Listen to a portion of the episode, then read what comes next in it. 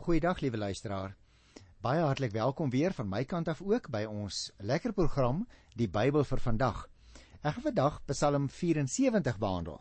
En dit gee my tyd om weer so 'n bietjie vir julle 'n paar interessanthede te vertel.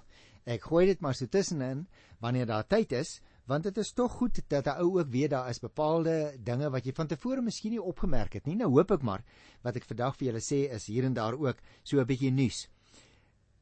Kom ek uh, noem 'n paar interessante dinge. Ses van die psalms. Onthou daar's 150, né? Ses van die psalms is gebede vir die môre en 3 psalms is aandgebede. Miskien het jy al opgemerk maar nog nooit getel nie. 4 van die psalms in die Bybel begin met die woorde loof die Here want hy is goed. Ook interessant, veral vir ons boere mense wat luister. Psalm 65 is 'n baie goeie psalm uh, wat van toepassing is op boere. Julle kan dit soos 'n jas aantrek. Julle kan die woorde van daardie psalm heel waarskynlik die emosies wat in julle eie gemoed lewe verklank en dit dan voor die Here voordra as julle eie woorde. Psalm 104 is byvoorbeeld 'n baie goeie skepingspsalm. Psalm 121 is 'n gebed vir die mense wat op reis is. Nou ja, dalk is hy iemand wat in 'n motor ry vandag, dan kan jy ook uh so bietjie as jy by die huis kom, 'n uh, gerusse slag kyk na Psalm 121. Psalm 148 weer is die groot lofsang van die natuur. So dit is ook 'n baie wonderlike psalm as jy iemand is wat jou na aan die natuur voel en belewe, miskien op hierdie dag terwyl jy na die program luister in die natuur is, kan jy gerus Psalm 148 so 'n bietjie naslaan. Miskien het jy nie geweet nie, liewe luisteraar, maar Psalm 117 is die heel kortste Psalm in die Bybel. En tussen hakies, dit is ook die middelste hoofstuk van die Bybel. Met ander woorde, as ons al die hoofstukke sou tel in die Bybel, dan is Psalm 117 as jy hom beskou as 'n selfstandige eie hoofstuk, dan staan hy presies in die middel van die Bybel. Behalwe die kortste Psalm 117 is die langste Psalm in die Bybel natuurlik, dit weet jy sekerlik, Psalm 119. So die twee staan lekker naby mekaar in die Bybel, maklik dus om te onthou. Psalm 119 die langste en 117 die kortste wat dan in die middel van die Bybel staan. Elkeen van die 26 verse van Psalm 136 eindig in Hebreëse taal met aan sy liefde is daar geen einde nie. Dit is 'n interessantheid van Psalm 136. Nou maar goed. Uh watter temas kom nou eintlik in die psalms voor? En luisteraars, julle sal onthou dat ek al vir julle gesê het, daar is eintlik nie een tema wat in al die psalms na vore kom nie. So 'n mens moet eintlik na verskillende dinge kyk kom ek noem vir jou so 'n paar van daardie hooftemas, byvoorbeeld lof. Psalms bevat 'n hele klompie liedere, lofliedere aan die Here as die skepper en die onderhouer en die verlosser van die mense lewe. Om dus die Here te loof, beteken luisteraars dat 'n mens die grootheid van die Here in sy karaktertrekke en ook in sy dade raak sien. Waardering daarvoor het, uiting daaraan gee. En daarom moet ons ook voortdurend as Christus gelowiges ons gedagtes op die Here rig. En dan sal hy ook deur sy gees vir jou en vir my help om op 'n besondere manier vir hom te prys, om hom te wil prys. Want jy sien ons is dit nie uit onsself daartoe geneig om die Here te wil prys nie. Hoe beter ons dus die Here ken, hoe meer kan ons dit wat hy van ons verwag met vreugde en met blydskap doen en lofprysing is een daarvan. So lof is een van die hooftemas. Kom ek noem vir jou 'n ander ene. God se almag in nood.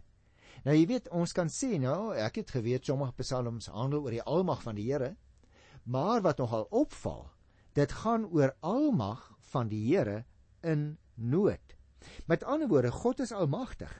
Hy tree altyd op die regte manier en ook op die regte oomblik op. Hy is soewerein oor elke situasie. Die manier waarop die Here hom dus in die skepping bekend maak of soms in die geskiedenis dikwels en hoofsaaklik in sy woord openbaar, is te gelykertyd ook die almag wat aan hom behoort se bekendmaking. God kan ons dus help as ons magteloos voel in noodverkeer, dan help hy ons om weer ons oog te fokus op wie hy is. Want jy sien sy krag is groter. Sy krag is meer as die wanhoop van pyn en beproewing. En daarom kan ons altyd bid dat die Here ons sal beskerm, dat hy ons sal verlos, dat hy ons sal versorg ook in ons nood. Want jy sien ons dink die Here moet ons net uithaal uit ons nood. Dan gryp die Here in. Nee nee nee nee. Soms versorg die Here ons in ons nood. Net soos wat 'n ouer sy kind versorg wanneer daardie kind siek is en in nood verkeer.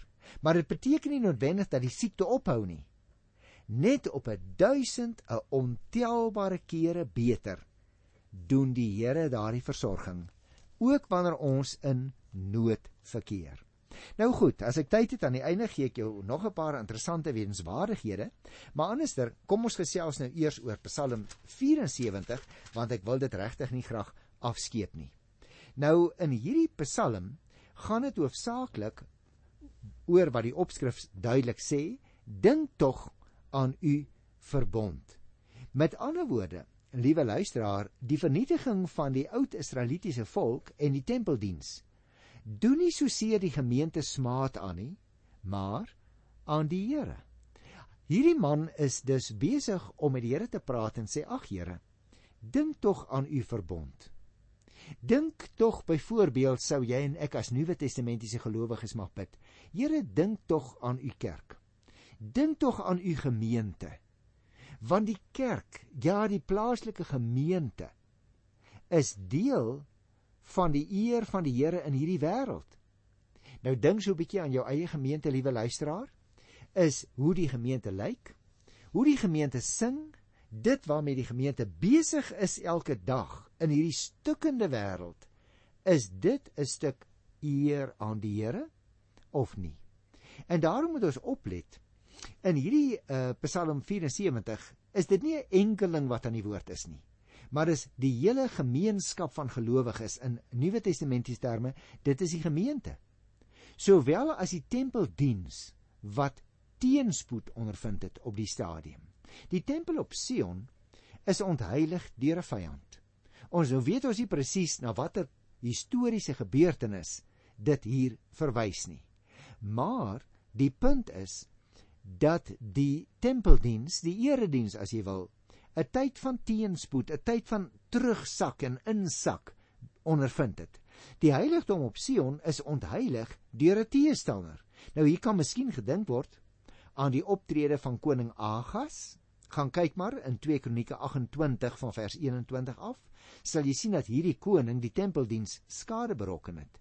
Of die tyd van Manasse, daardie goddelose koning, Jy kan sy geskiedenis en sy lewe naslaan in 2 Konings 21 van die tweede vers af en sien hoe hy opgetree het. 'n Ander moontlikheid is miskien die verwoesting van die tempel deur koning Nebukadneser van Babel.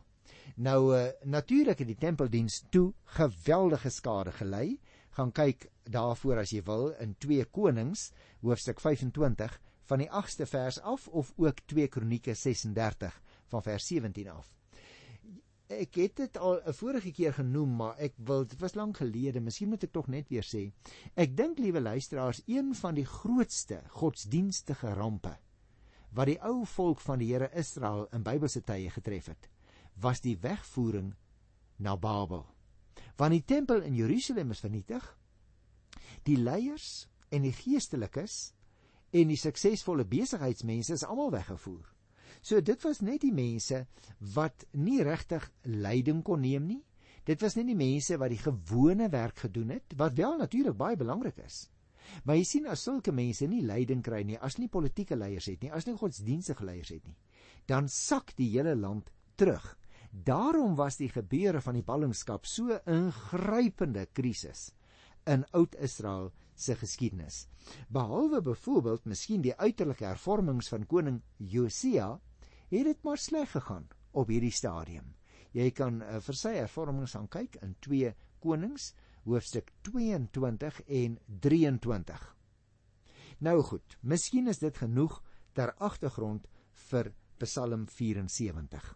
Kom ons lees dan die eerste 2 versies en dan gesels ons daaroor. 'n Gedig van Asaf Waarom o God hou u aan om ons te verstoot? Waarom is u kwaad vir die kudde wat aan u behoort? Het jy nou opgelet luisteraar? Daarom het ek vir jou gesê, dit is nie die klaaglied of die gebed van 'n enkeling nie, maar van 'n versameling gelowiges. In ons terme nou die gemeente van die Here want hy sê waarom het u ons verstoot waarom is u kwaad vir die kudde wat aan u behoort dink tog aan u gemeente wat u lank gelede u eiendom gemaak het die volk wat u vir u self as besitting verkry het Sions berg waarop u gewoon het die psalmdigter luisteraar merk 'n mens dadelik op begin dus die klaagpsalm met 'n waarom. Met ander woorde, dit verraai 'n diepe besorgdheid by hierdie persoon, maar dit verleen ook 'n sekere innigheid aan die gebed. Want jy sien, die werklikheid van sy lewenssituasie gee vir hom die indruk dat God kwaad is vir sy kudde. Dit beteken nie dat die Here kwaad is vir die gemeente nie, maar dit laat die indruk So lyk dit vir die psalmdigter. Jy kry dieselfde gedagte natuurlik in Psalm 79 vers 13. Hy kry die indruk dat die Here hulle verstoot het. Kry die gedagte ook in uh, Psalm 43 vers 2. God moet dus, so vra hy in die eerste twee verse, God moet dus asseblief dink aan sy gemeente, let op, sy eiendom. Jy sien as Nuwe Testamentiese gelowiges is ons die eiendom van die Here op grond van dit wat die Here Jesus vir ons gedoen het aan die kruis op Golgotha. Die Here Jesus het die laaste bloedige offer gebring op Golgotha. En die uitwerking daarvan vir sondaars is dat ons deel mag wees van die gemeente van die Here, sy kudde, sy eiendom, soos hierdie eerste twee verse van Psalm 74 vir ons so mooi leer. Hy het dit as sy besitting verkry deur die Ou Testamentiese gemeente verlos te verlos uit Egipte land en na Sion toe te bring na die Sionsberg waarop die Here nou self as dit ware woon in die tempel. En net so het die Here Jesus Christus se offer aan die kruis vir jou en vir my veroorsaak dat ons 'n besitting van die Here kon word, dat ons sy gemeente kan wees. Dat ons die versameling rondom Jesus Christus wat in die sentrum staan van elke erediens elke Sondag mag wees. Goed, kom ons kyk na vers 3 tot by vers 8. Kom loop tog deur die plek wat so lank al in puin lê. Die heiligdom wat die vyand totaal verwoes het. Die oorwinningskreet van u vyande het in die plek van samekoms weer klink en hulle het hulle vaandel daar opgerig. Dit het gelyk soos wanneer iemand met 'n byl bosse skoonkap. Hulle het al die houtsneewerk met byl en koevoet stukkend geslaan. Hulle het u heiligdom in die brand gesteek, die woonplek van u naam tot op die grond afgebreek. Hulle het vir hulle self gesê: Ons sal alles vernietig. En hulle het elke plek van samekoms in die land aan die brand gesteek. So jy sien die luisteraar met die inname van Jerusalem in die jaar 586 voor Christus. Is dit nie soos wat ons soms dink net die tempel in Jerusalem wat vernietig is nie. Elke plattelandse heiligdom, elke plek van samekoms is vernietig. Dit is dus vir die bidder asof God nie meer daar op Sion is nie. Dit is sy belewenis en daarom nooi hy die Here uit. Ons gaan dit net sien by vers 3a. Daarom nooi hy die Here uit om self te kom kyk na die plek wat nou al jare lank vernietig is. Miskien moet ek dit weer lees in vers 3. Kom loop tog deur die plek wat so lank al in puin lê en die heiligdom wat die vyand so totaal verwoes het. Jy sien die vyand het die stilte van die tempel versteur deur hulle oorwinningskreet wat uh, in vers 4 genoem word. En het die tempel dus ontheilig deur die tekens van hulle mag daarin aan te bring gaan kyk byvoorbeeld as jy wil weet wat hulle alles in die heiligdom gedoen het om dit te ontheilig in 2 Kronieke 28 vers 23. Byvoorbeeld ook die houtsneewerk van die tempel wat so pragtig was volgens 1 Koning 6 vers 29. Daardie uh, houtsneewerk is afgestroop en dit is vernietig sê vers 3 tot 8 en die plek is verbrand. En dit is dus 'n oor 'n uh, optrede, liewe luisteraar, wat ooreenstem met die van die Babiloniërs wat ons kry in 2 Konings 25 vers 9. En dit is dan die rede hoekom ons sê heel waarskynlik kom hierdie Psalm en is dit geskryf, het dit sy ontstaan gehad teen die agtergrond van die Babiloniese verwoesting van Jerusalem in 586. Kom ons lees 'n bietjie verder vers 9 tot by vers 11. U openbaar u nie meer aan ons nie. Daar is geen profeet meer nie. Niemand onder ons wat weet hoe lank dit nog gaan gebeur nie. Hoe lank, o God, sal die teestanders ons nog verneder? Sal die vyand u naam vir altyd bly belaster? Waarom help u ons nie? Waarom lig u nie u hand op en vernietig die vyand nie? Nou dit is sterk versoeke hierdie waarmee hierdie man kom. Saam met die tempelverwoesting het die stem van die profete. Nou moet ons onthou, die profete was die mense deur wie God sy wil aan die uh, gelowiges bekend gemaak het. Gaan kyk maar, dit staan in 1 Samuel 3 vers 1. Maar met die verwoesting van die tempel het ook die stem van die Here stil geword. Die waarom gebed word as eintlik afgesluit met 'n hoe lank nog vraag wat gevra word daar in vers 10a. Hy sê spesifiek hoe lank nog o God sal ons teestanders ons nog verneder. So vers 9 tot 11 sluit dus eintlik direk aan by die voorafgaande 8 versies. Daar is ook baie interessant twee pleitende waarom vra in vers 11. Hy sê: "Waarom help jy ons nie? Waarom lig u nie u hand op en vernietig die vyand nie?" Dit is dus baie duidelik hierdie man het dringende vrae waarmee hy worstel. Hy verwag nie noodwendig daarop 'n antwoord nie. Want dit is een van die interessante dinge luisteraars. Veral as mense boek klaagliedere lees, dan kom jy dit baie gou agter dat uh, dit eers tydens die ballingskap was dat die Jode tot 'n baie eenvoudige insig gekom het, naamlik ons is hier in ballingskap omdat ons gesondig het teen die Here. En die hartseer aspek daaraan luisteraar is natuurlik dat die Jode nie terwyl hulle gesondig het die konsekwensies van hulle sondigheid bereken het nie.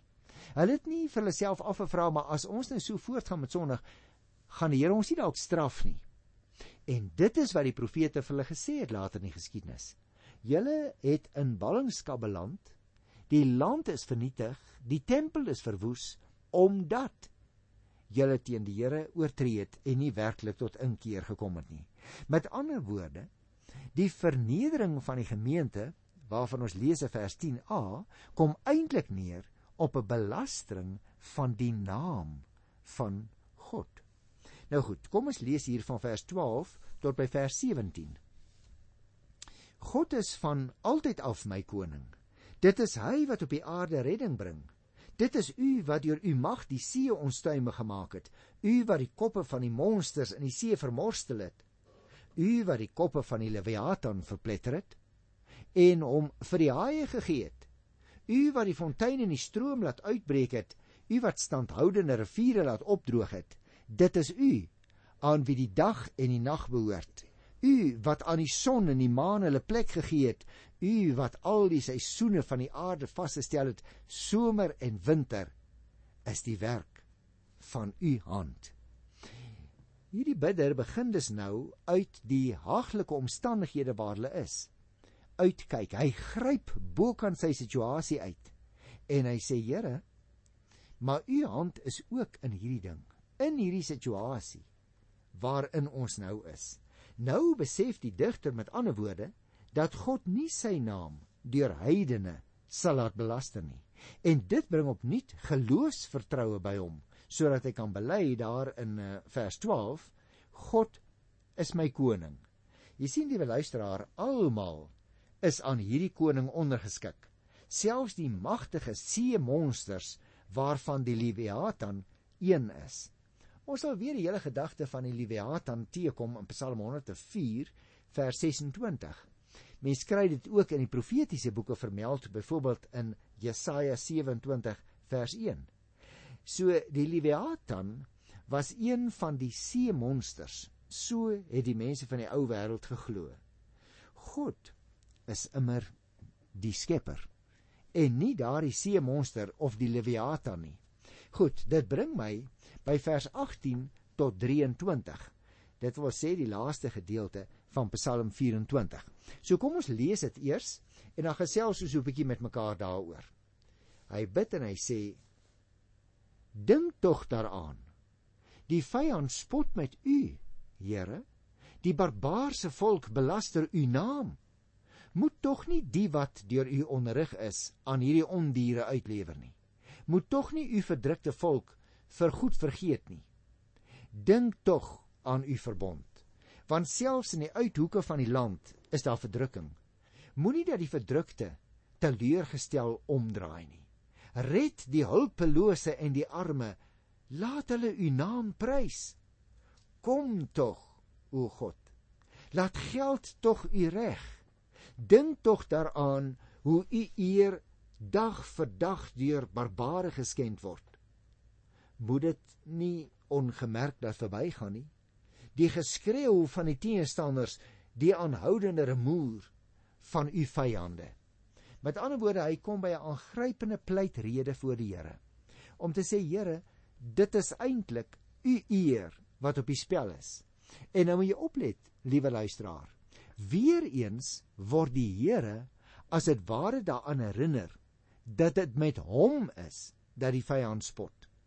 Nou moet ons hier die indruk kry dat die psalmdigter dit nie geweet het nie maar hy verklank as mondstuk van die gemeente van die Here en sê Here dit wat met ons gebeur dit is eintlik rede vir die ongelowiges om u naam skade aan te doen en u nie te eer nie teenoor al die sulkes dus wat met ondiere te vergelyk is daar vers 19b staan hulle wat deur die Here onderrig is en met wie hy 'n verbond gesluit het. Gaan kyk hier in vers 19a en as jy Ou Testamentiese verwysing in 'n ander boek sien tydens die woestyn tog, gaan kyk in Eksodus 24 vers 6 en 7.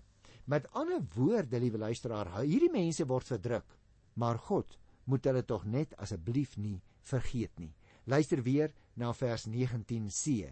Daar staan dit mooi moet ons nie aan hierdie ondiere uitlewer nie en tog nie u verdrukte volk vergoed vergeet nie. Jy sien, uh, liewe luisteraar, dit is 'n uh, vrees wat by hierdie man uh se hart kleef. Dit druk hom as dit ware toe, dit belemmer sy uitsig. Dit beteken nie dat die Here hulle regtig gaan vergeet nie, maar dit is die emosie wat in hierdie man se hart lewe en daardie emosie word verklank in die Psalm natuurlik. Daarom sê hy: Here, dit is ter wille van u naam. Kyk maar vers 21 en 22. En daarom moet die geskreeu van die vyand asseblief stil gemaak word, vers 23. Die verlossing, luisteraar of die redding wat God oor die hele aarde bewerk, staan dus in diens van die eer van die naam van die Here. Ons het in vers 12:2 die gedagte gekry dat die Here asseblief tog uh vrede moet werk en die vyand moet stil maak ter wille van sy naam. Want die Here voorsien selfs hulp aan die hulpelose en die arme. Sy naam moet geprys word. Vers 21c. Mag ek dit andersom sê vir jou en vir my en mag dit ook namens jou en my vir die Here sê vanmôre dat dit gaan Here ter wille van die naam en die eer van u self wanneer die gemeente die plaaslike kerk skade aangedoen word. En liewe luisteraar, dit is dus baie belangrik dat jy en ek sal onthou in ons aksies is ons deel van die gemeente van die Here. En as ons verkeerd optree as individue van 'n gemeente, dan kry nie net ons die skuld nie. Maar dan kry die ou wat met die straat verbystap die indruk en hy sê dit ook vir ander mense, kyk hoe tree daai Christene op hier in ons midde.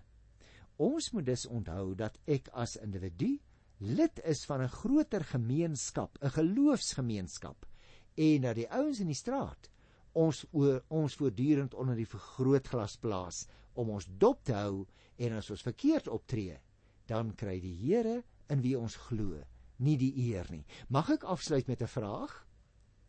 Hoe is jou optrede in die oog van 'n wêreldling? Liewe luisteraar, is dit so dat die Here die eer kry of is dit so dat die Here te nagekom word as gevolg van jou optrede in die oë van 'n onregverdige? Kom ons dink hieroor en ons bid hieroor en dan groet ons mekaar in die tussentyd tot volgende keer. Tot dan. Totsiens.